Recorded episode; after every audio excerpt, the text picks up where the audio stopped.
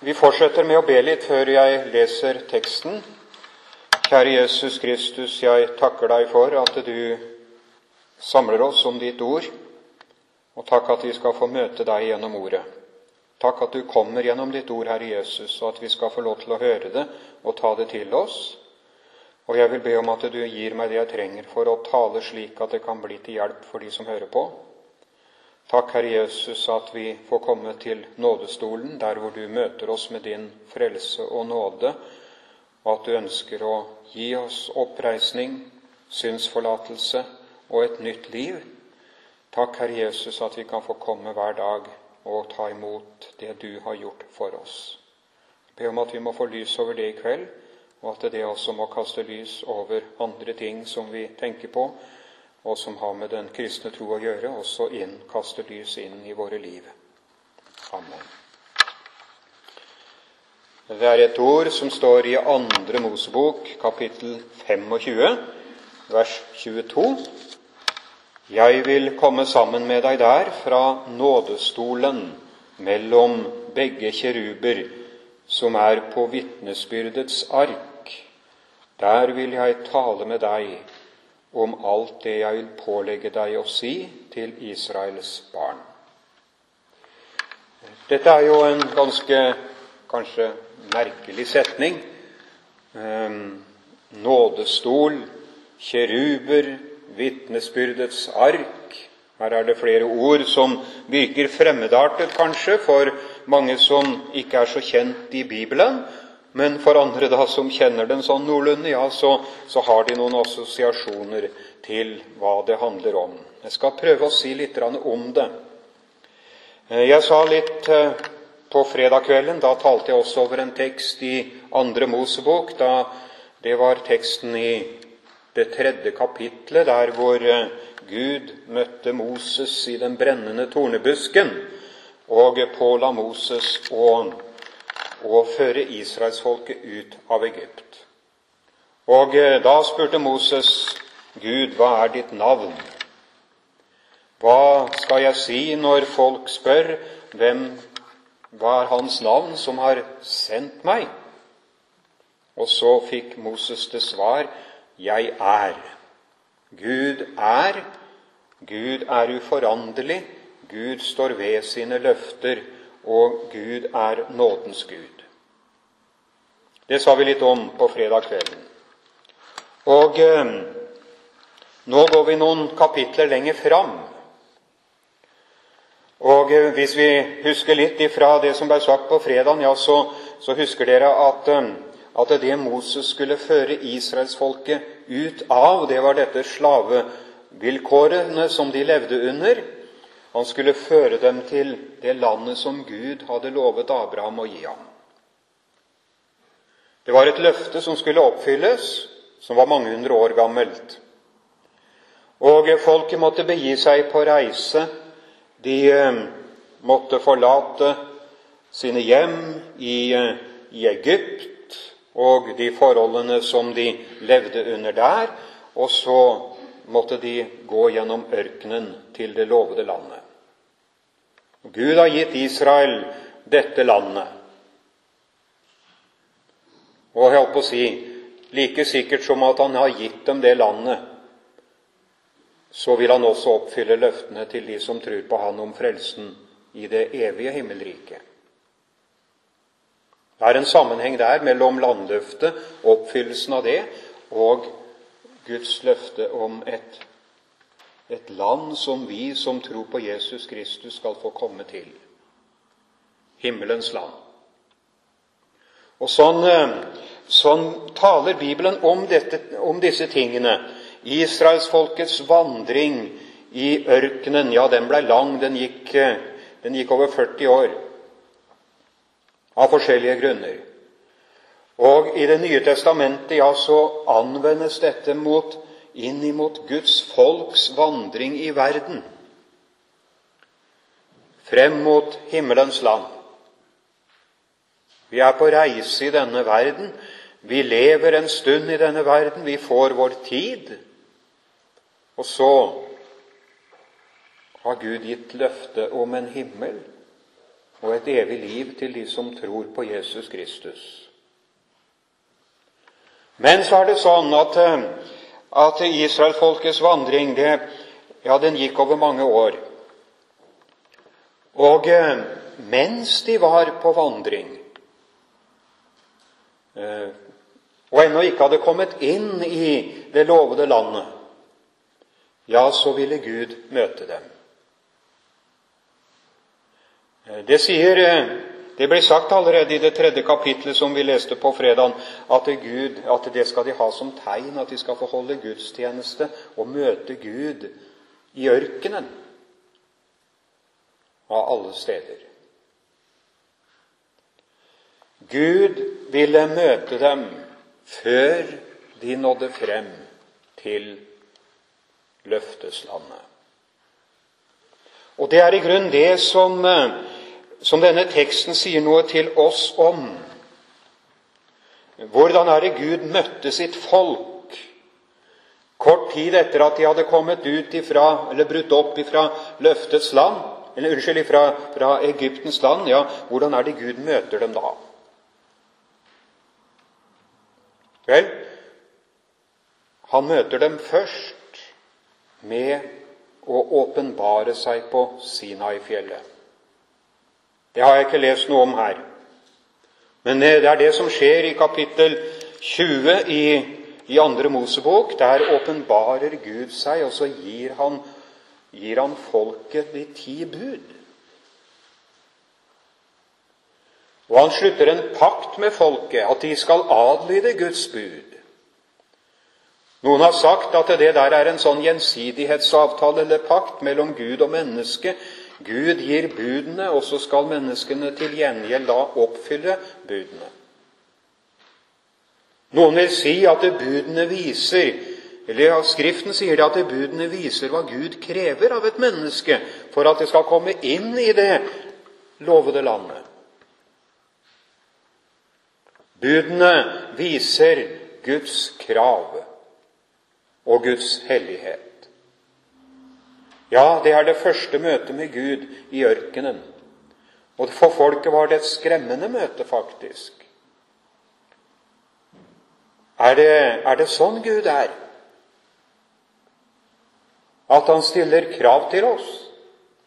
At han gir oss noen bud som vi skal leve etter, og som han ikke vil fire på? Ja, det, en, det, var en skremmende tanke, og folk ble fulgt av frykt faktisk da de så og møtte Gud på den måten. Og sånn er det vel også i vår tid, når man plutselig får det klart for seg og får høre det, at, at Gud kommer med noen bud som vi mennesker skal måles etter.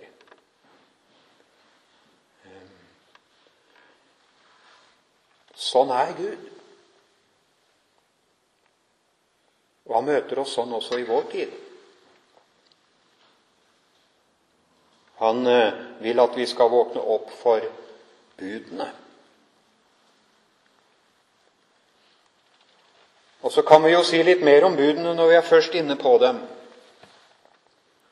På den ene side så har disse budene dette med seg at de anklager oss. Eh, når vi får med dem å gjøre, ja, så så begynner vi å tenke hva skal jeg gjøre for å, å bli slik som Gud vil at jeg skal være? Og Når vi først har vært innom Peru, ja, så kan jeg jo fortelle en liten historie derifra som jeg vel sikkert har fortalt før, men jeg husker var en av disse som jeg arbeidet sammen med, og som etter hvert begynte å ja, ble en troende. Og ja, som tok på seg ansvaret i, forsamlingene med søndagsskole og litt av hvert. Han kom til meg en gang og så sa han det at jeg prøver så godt jeg kan å gjøre alt som må til for å være en virkelig kristen, men jeg føler hele tiden at det er noe som mangler. Jeg får ikke noe fred. Og da satt jeg der og tenkte med meg sjøl hva skal jeg si nå? Det var en flott fyr. Var ikke mye å sette fingeren på. Men likevel så fikk han den opplevelsen. Og sånn er det med å møte Guds bud. Og så sa jeg, spurte jeg han om følgende En kan kanskje si Han hadde sitt første møte ikke sant, med, med den hellige Gud. Og så spurte jeg ham hvordan leser du Bibelen. Leser du for å finne svar på, på hva du må gjøre for å være en skikkelig kristen?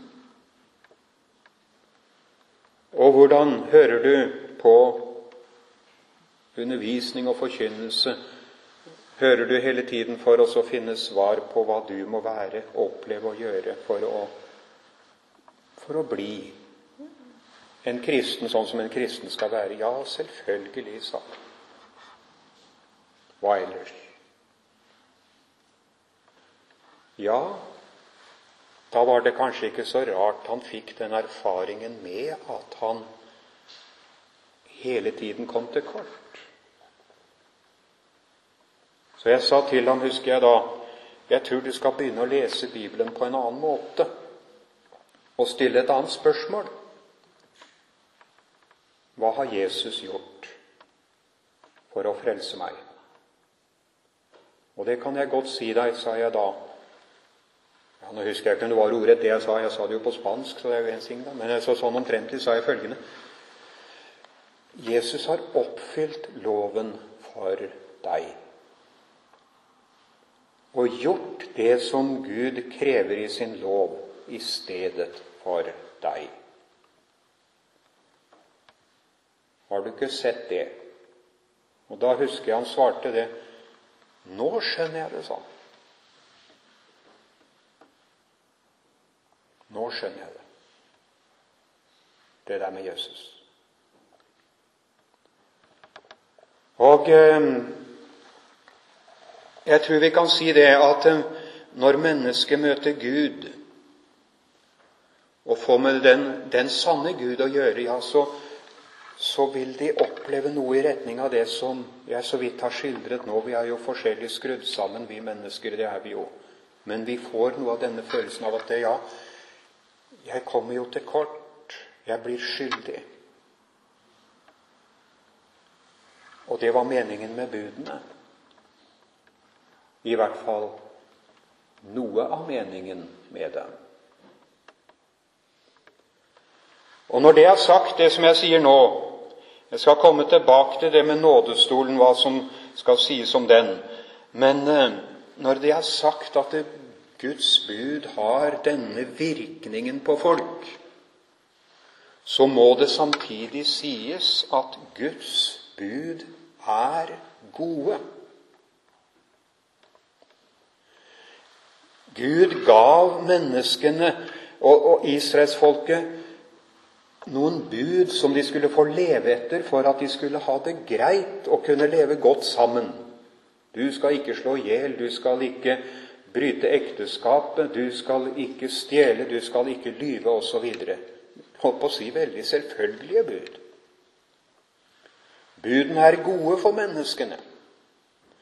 Og jeg må si samtidig som det sies at de de setter et lys inn over livet vårt som gjør at vi føler at vi, vi greier ikke å oppfylle dem, så er det samtidig noe vi skal forsøke å leve etter.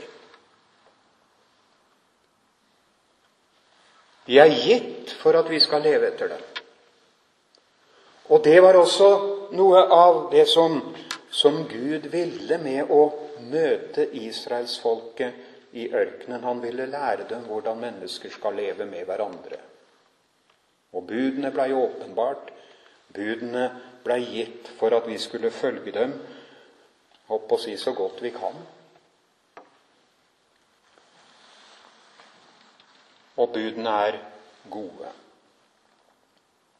Jeg får det spørsmålet av og til. Jeg husker ja, noen av de studentene jeg har Vi har veldig mange flotte studenter på Fjellhaug for tida. Um, jeg beundrer disse unge menneskene, hvor, hvor modige de faktisk er mange ganger til å stå for det de tror på. Men det er ikke så sjelden du får dette spørsmålet ja, hvordan skal man leve det kristne livet? En som eh, snakket litt med meg om det, og som skal skrive en masteravhandling eh, akkurat nå, han sier det at han, han er veldig opptatt av å, å finne svaret på hvordan, ja, hvordan jeg skal leve som en hverdagskristen. Og eh, han eh, sier det til meg Ja, vi får høre litt om det at det på arbeidsplassen der hvor vi er, ja, så skal man Ja, du skal vitne, det er greia. Og det kan du så godt gjøre, men det er ikke så lett å holde på med det hele tida. Så han er opptatt av det. Er ikke dette med å gjøre de gode gjerninger og følge budene, handler ikke det om selve arbeidet? Og om hvordan jeg forholder meg til mine medmennesker i i de forskjellige livssituasjoner som jeg er i? Jo, det er jo det det handler om.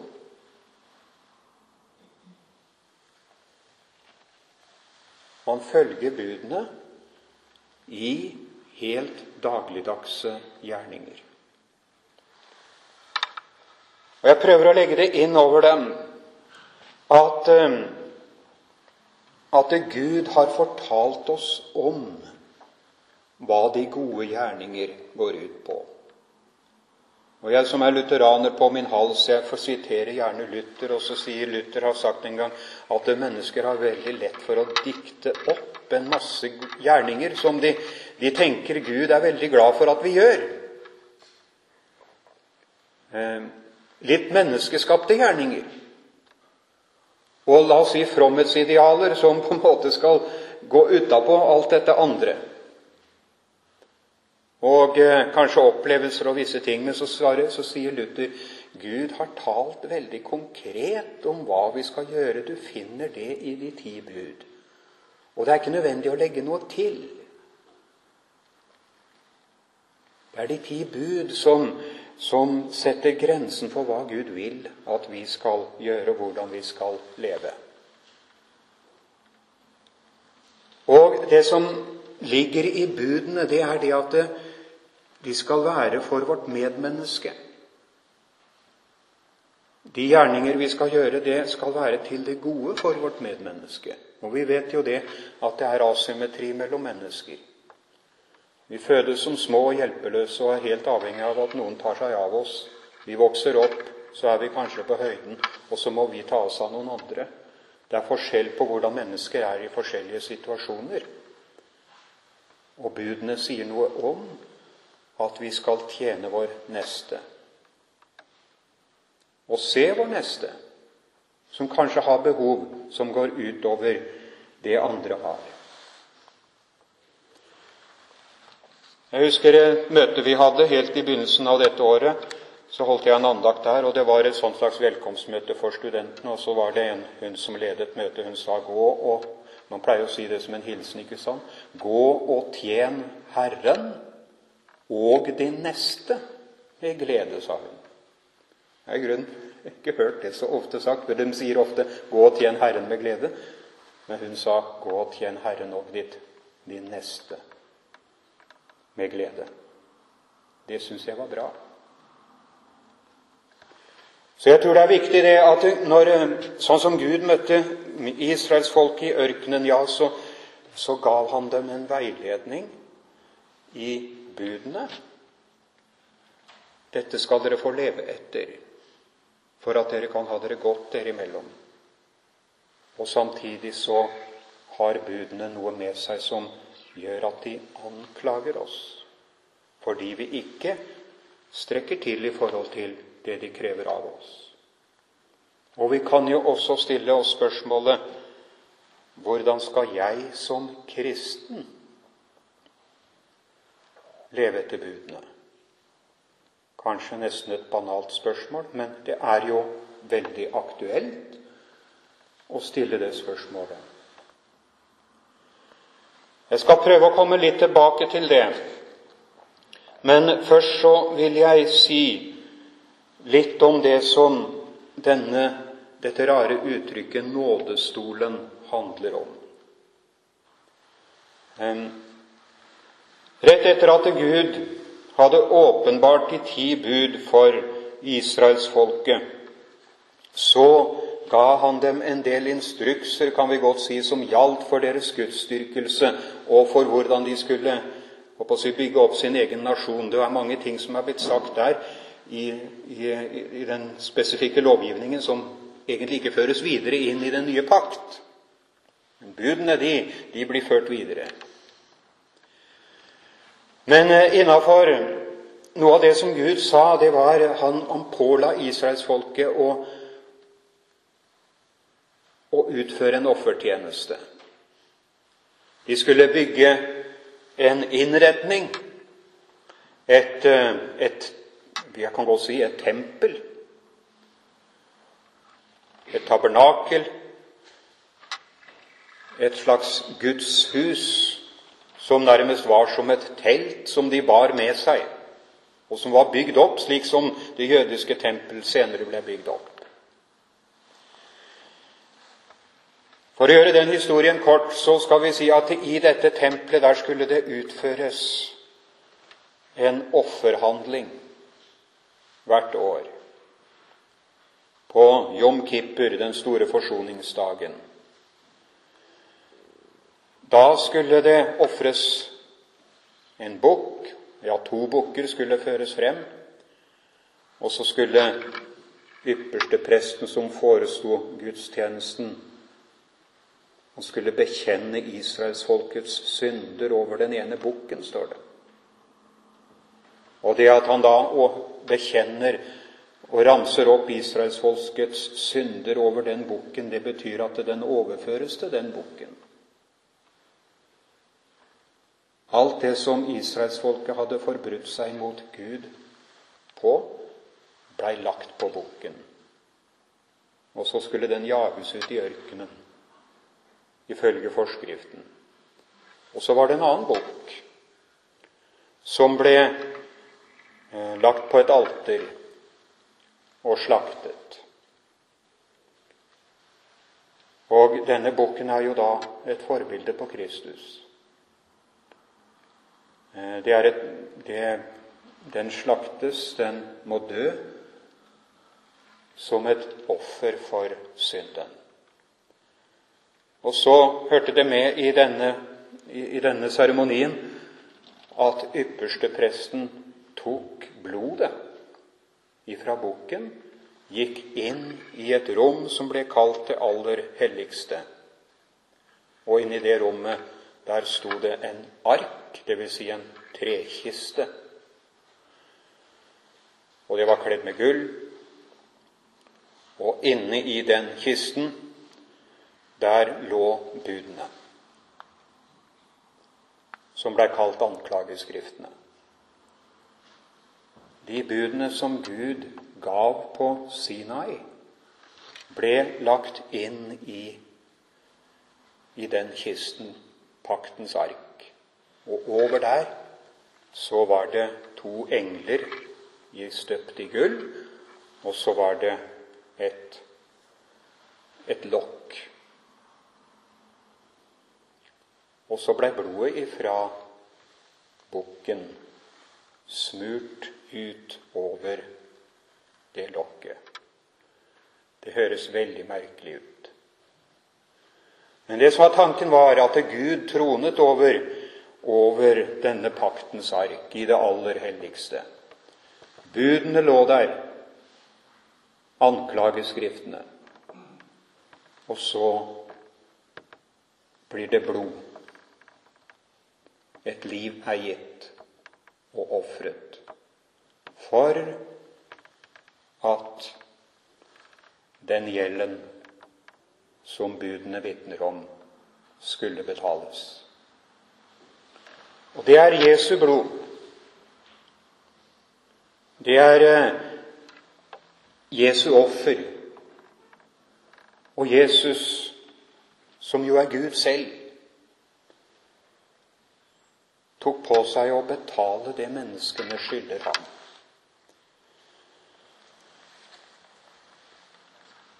Gud oppreiste, eller denne ordningen i israelsfolket mens de var på vandring. Og så taler han til Moses, som er folkets leder, og så sier han du skal sette nådestolen oppå arken, og i arken skal du legge vitnesbyrdet som jeg vil gi deg. Vitnesbyrdet er lovens tavler. Og ordet nådestol, det er betegnelsen på det lokket som ble lagt over denne kisten. Det var Luther som valgte den oversettelsen. Lokket over kisten der budene var lagt, blei kalt nådestolen. Der er det der er, der er synden gjort opp. Det er stedet der hvor, hvor det du og jeg skylder Gud, er betalt. Og så sier Gud, 'Jeg vil komme sammen med deg der'. Fra nådestolen mellom begge kjeruber, som er på vitnesbyrdets ark, der vil jeg tale med deg om alt det jeg ville pålegge deg å si til Israels barn. Jeg vil komme sammen med deg der. Så det var et annet sted å møte Gud på. Det var ved stedet der Gud gir nåde. Og hvorfor gir Gud nåde? Hvorfor ettergir han oss gjelden? Jo, fordi han selv har betalt den. Det er ikke så mange steder at dette merkelige uttrykket 'nådestol' blir brukt i Skriften. Men det henvises til det flere steder. Men vi kan gå til Romerbrevet kapittel 3, 25. Der brukes det om den oppstandende Jesus Kristus. Han stilte Gud til skue i hans blod som en nådestol ved troen, for å vise sin rettferdighet, fordi han i sin langmodighet hadde båret over med de synder som før var gjort. Nå Går vi til Hebreerbrevet, kapittel 4, så står det om Jesus Kristus. La oss tre frem med frimodighet for nådens trone for at vi kan få miskunn og finne nåde til hjelp i rette tid. Det var dit jeg prøvde å lede den unge peruaneren. Jeg fikk fortelle ham at det han skylder Gud,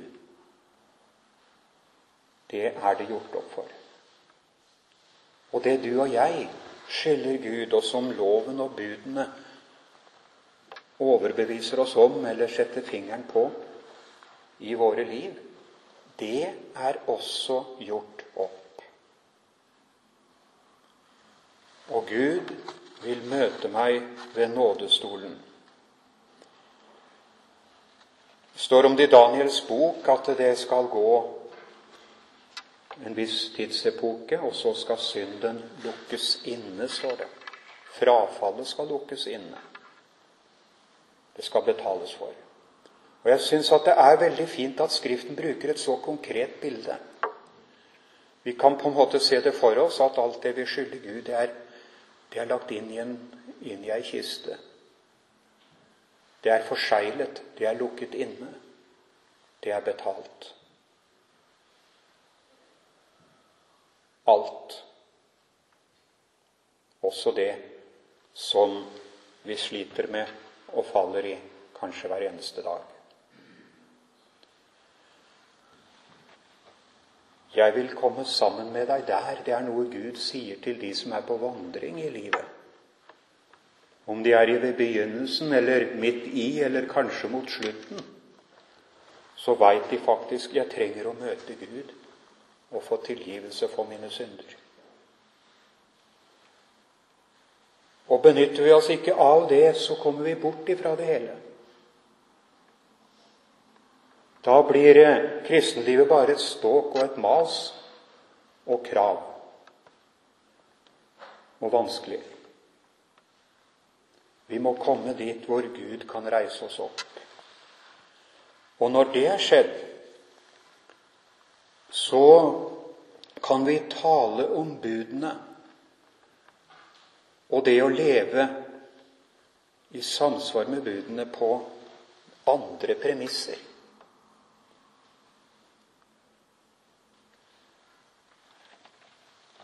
Hva vil det si å leve etter Guds bud for en kristen?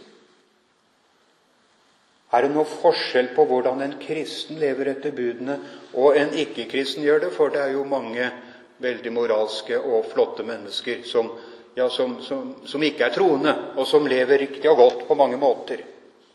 Men er det likevel en forskjell mellom dem og den måten en kristen gjør det på? Ja, det vil jeg våge å si.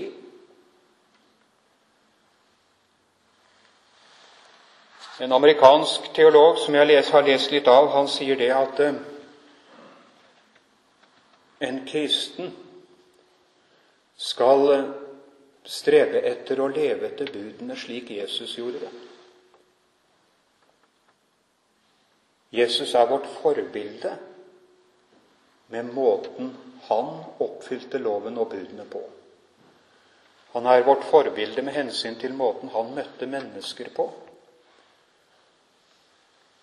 Og han sier det selv, liksom jeg har elsket dere, skal dere elske hverandre.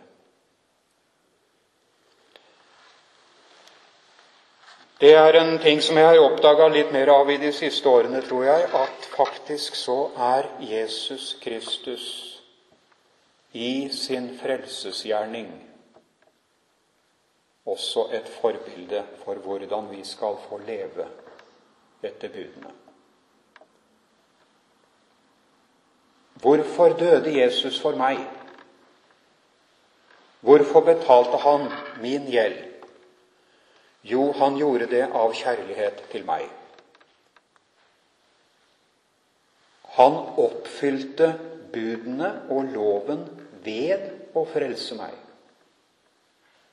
Og I Skriften så omtales faktisk Jesus' frelsesgjerning jeg vil gjerne si det sånn, som det ultimate uttrykk for hvordan Guds lov skal oppfylles. Ingen av oss kan gjøre det sånn som han, men han gav seg selv for sitt, sin neste.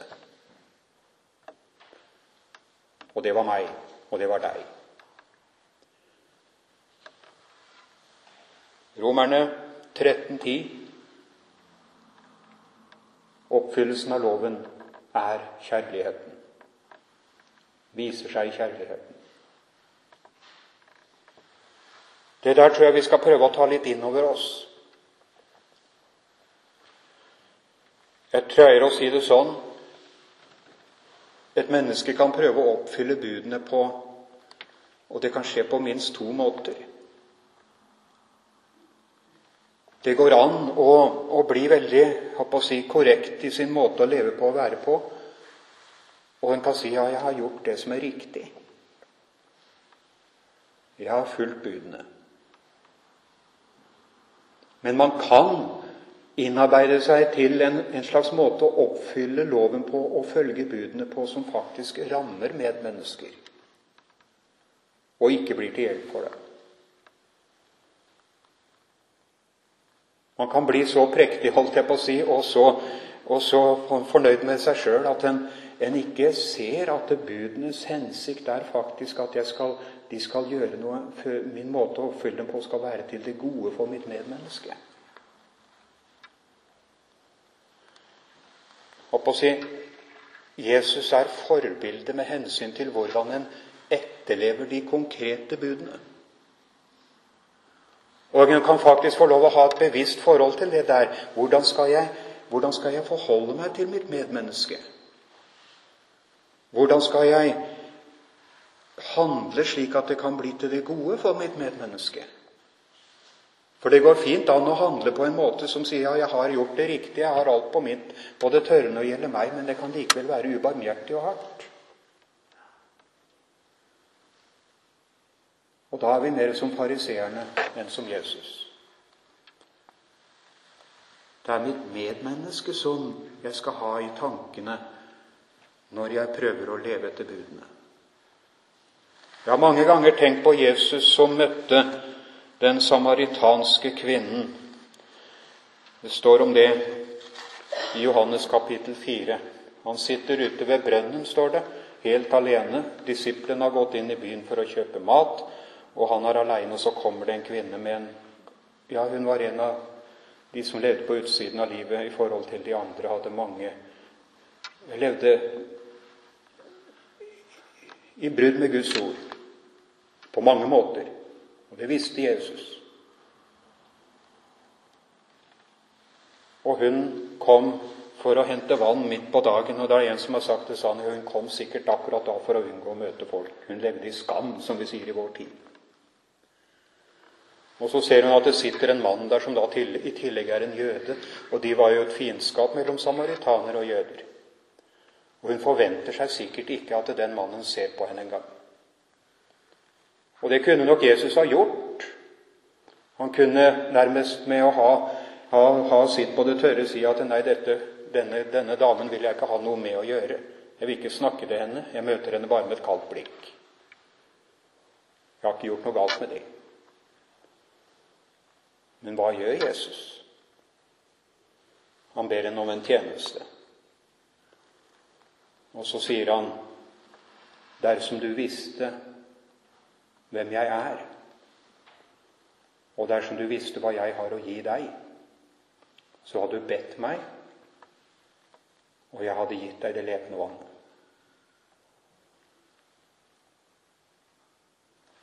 Han møtte henne slik at han fikk hjulpet henne, reist henne opp og han ga henne det levende vann. Det var jo frelsen selv. Det er Jesus som forbilde. Og han er, som jeg sier, vårt forbilde når det gjelder vår måte å leve på, og hvordan vi skal etterleve budene.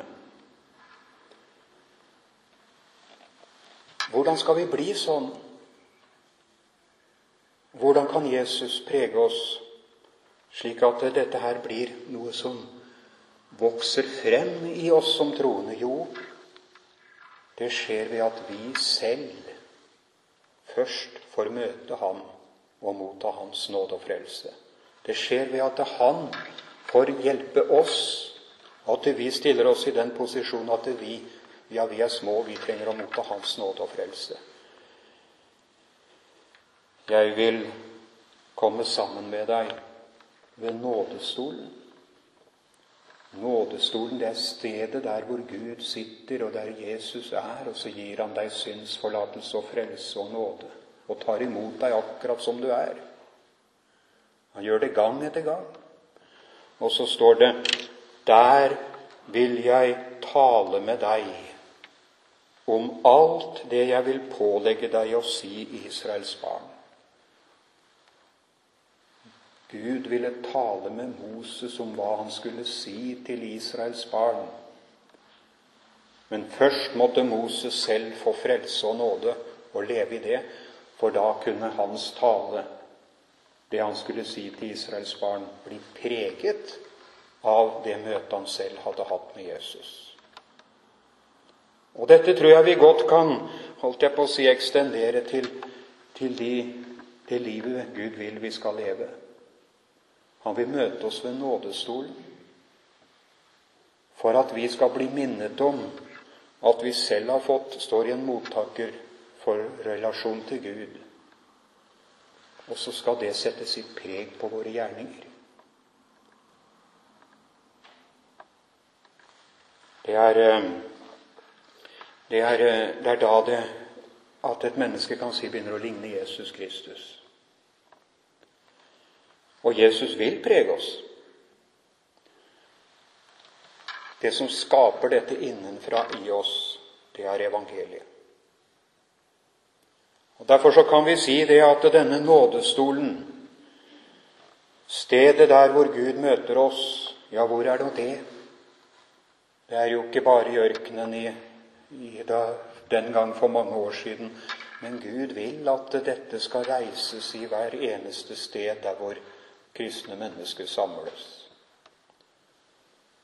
Nådestolen reises i den kristne forsamling der hvor evangeliet forkynnes, og hvor mennesket blir innbudt til Jesus Kristus. Det er definisjonen på Kirken i Confessia Augustana kapittel 7. Kirken er der hvor evangeliet forkynnes rett, og hvor sakramentene forvaltes. Evangeliet må forkynnes. Jeg har møtt det så mange ganger. Nei, vi, ikke, vi, får ikke høre om hva Jesus har gjort for oss. Vi får ikke høre evangeliet, er det mange som sier. Vi får høre mye om hva vi skal gjøre og være. Men det som er på en måte det som, som er selve grunnlaget for mitt liv med Gud, ja, det får vi høre så lite om. Og så kan man si det. Ja, det tror vi selvfølgelig. Det står i bekjennelsen, og det står i the statements i, i menigheten, og litt har vært sånn. Og man kan si ja, selvfølgelig så tror vi på evangeliet, og at Jesus døde for våre synder osv.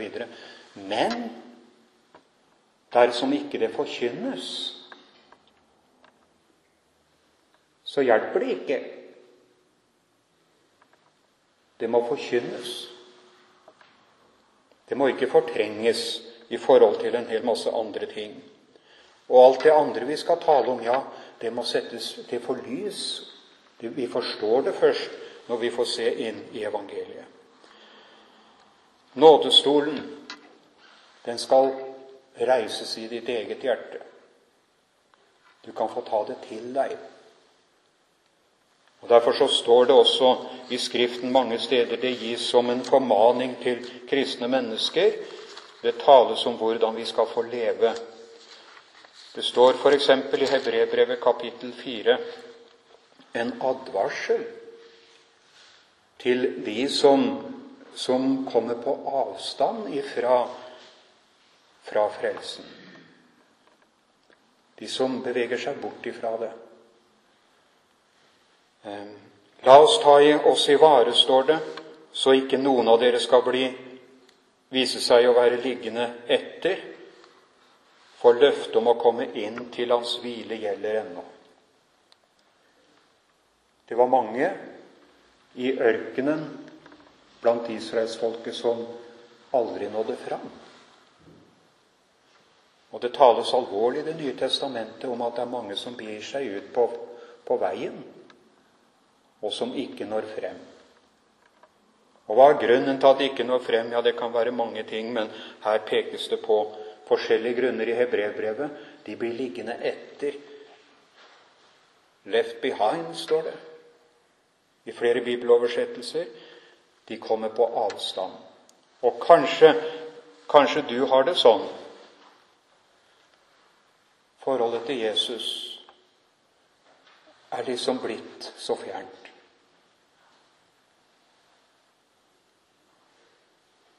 Du ser på de andre og så tenker ja, dem har det i orden alle sammen. Men, men selv om en kunne si det for noen år siden at jeg trodde på Jesus og regnet ham som min frelser, og jeg var så glad for det osv., ja, ja, så er ikke det der lenger.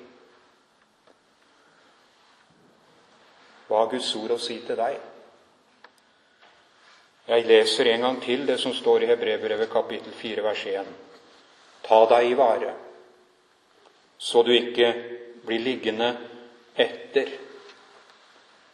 og så tenker du nå må jeg ta meg sammen. Nå må jeg komme tilbake på gamle høyder osv. Men så, så må du lese den setningen som følger. Der står det Løftet om å komme inn til hans hvile gjelder ennå. Løftet gjelder ennå. Så dette er ingen oppfordring til det at du skal heise deg opp etter håret, holdt jeg på å si. Men det er en oppfordring til oss å se på hva Jesus har gjort. Løftet gjelder ennå, sjøl om du har glemt det. Og du kan få lov å ta det til deg på nytt. Det vi er og gjør, kan ikke ødelegge det Jesus har gjort for oss. Vi skal få være i det og leve i det og tro det. Jeg vil møte deg igjen ved nådestolen. For løftet gjelder ennå. Frelsen er en gave som blir gitt gratis. Og du trenger ikke å betale for den med noe. Siden vi har en så stor skare av vitner omkring oss, står i Hebrevbrevet 12, La oss derfor, da vi har en så stor sky av vitner omkring oss, legge av alt som tynger og synden som henger så fast ved oss, og løpe med tålmodighet i den kamp vi har foran oss, med blikket festet på Jesus Kristus, Han som er troens opphavsmann og fullender. Det hender av og til at jeg føler troen blir borte. Jeg snakket med en bibelskoleelev om det en gang. Vedkommende sa nei, troen er borte. Så begynte vi å snakke om Jesus og hva han har gjort for oss. At det gjelder ennå. Og så sa vedkommende nå kjenner jeg at troen kommer tilbake. Jesus er troens opphavsmann, den som ga deg troen. Han er også den som fullender den. Men eh, det er én ting som er helt avgjørende for at det kan skje, og det er at du har blikket festet på Han som det primære, og at du møter ham ved nådestolen. Takk, Herre Jesus Kristus, for ditt ord til oss. Jeg ber om at det må bli til velsignelse og hjelp. Du kjenner hver enkelt, Herre Jesus, og veit hva den enkelte trenger å høre. Og du veit hvordan vi har det, Herre Jesus. Du kjenner oss helt til bånns. Og jeg takker deg for at du tok alt vårt med deg og betalte og gjorde opp for det vi skylder. Og takk at vi kan få lov til å følge budene Prøve å leve etter det som du har foreskrevet oss, ikke for at vi ved det skal supplere det du har gjort, men at vi kan få gjøre det for våre medmennesker og for å ære deg. Hjelp oss, Herre Jesus, til å følge deg som vårt eksempel med våre liv. Amen.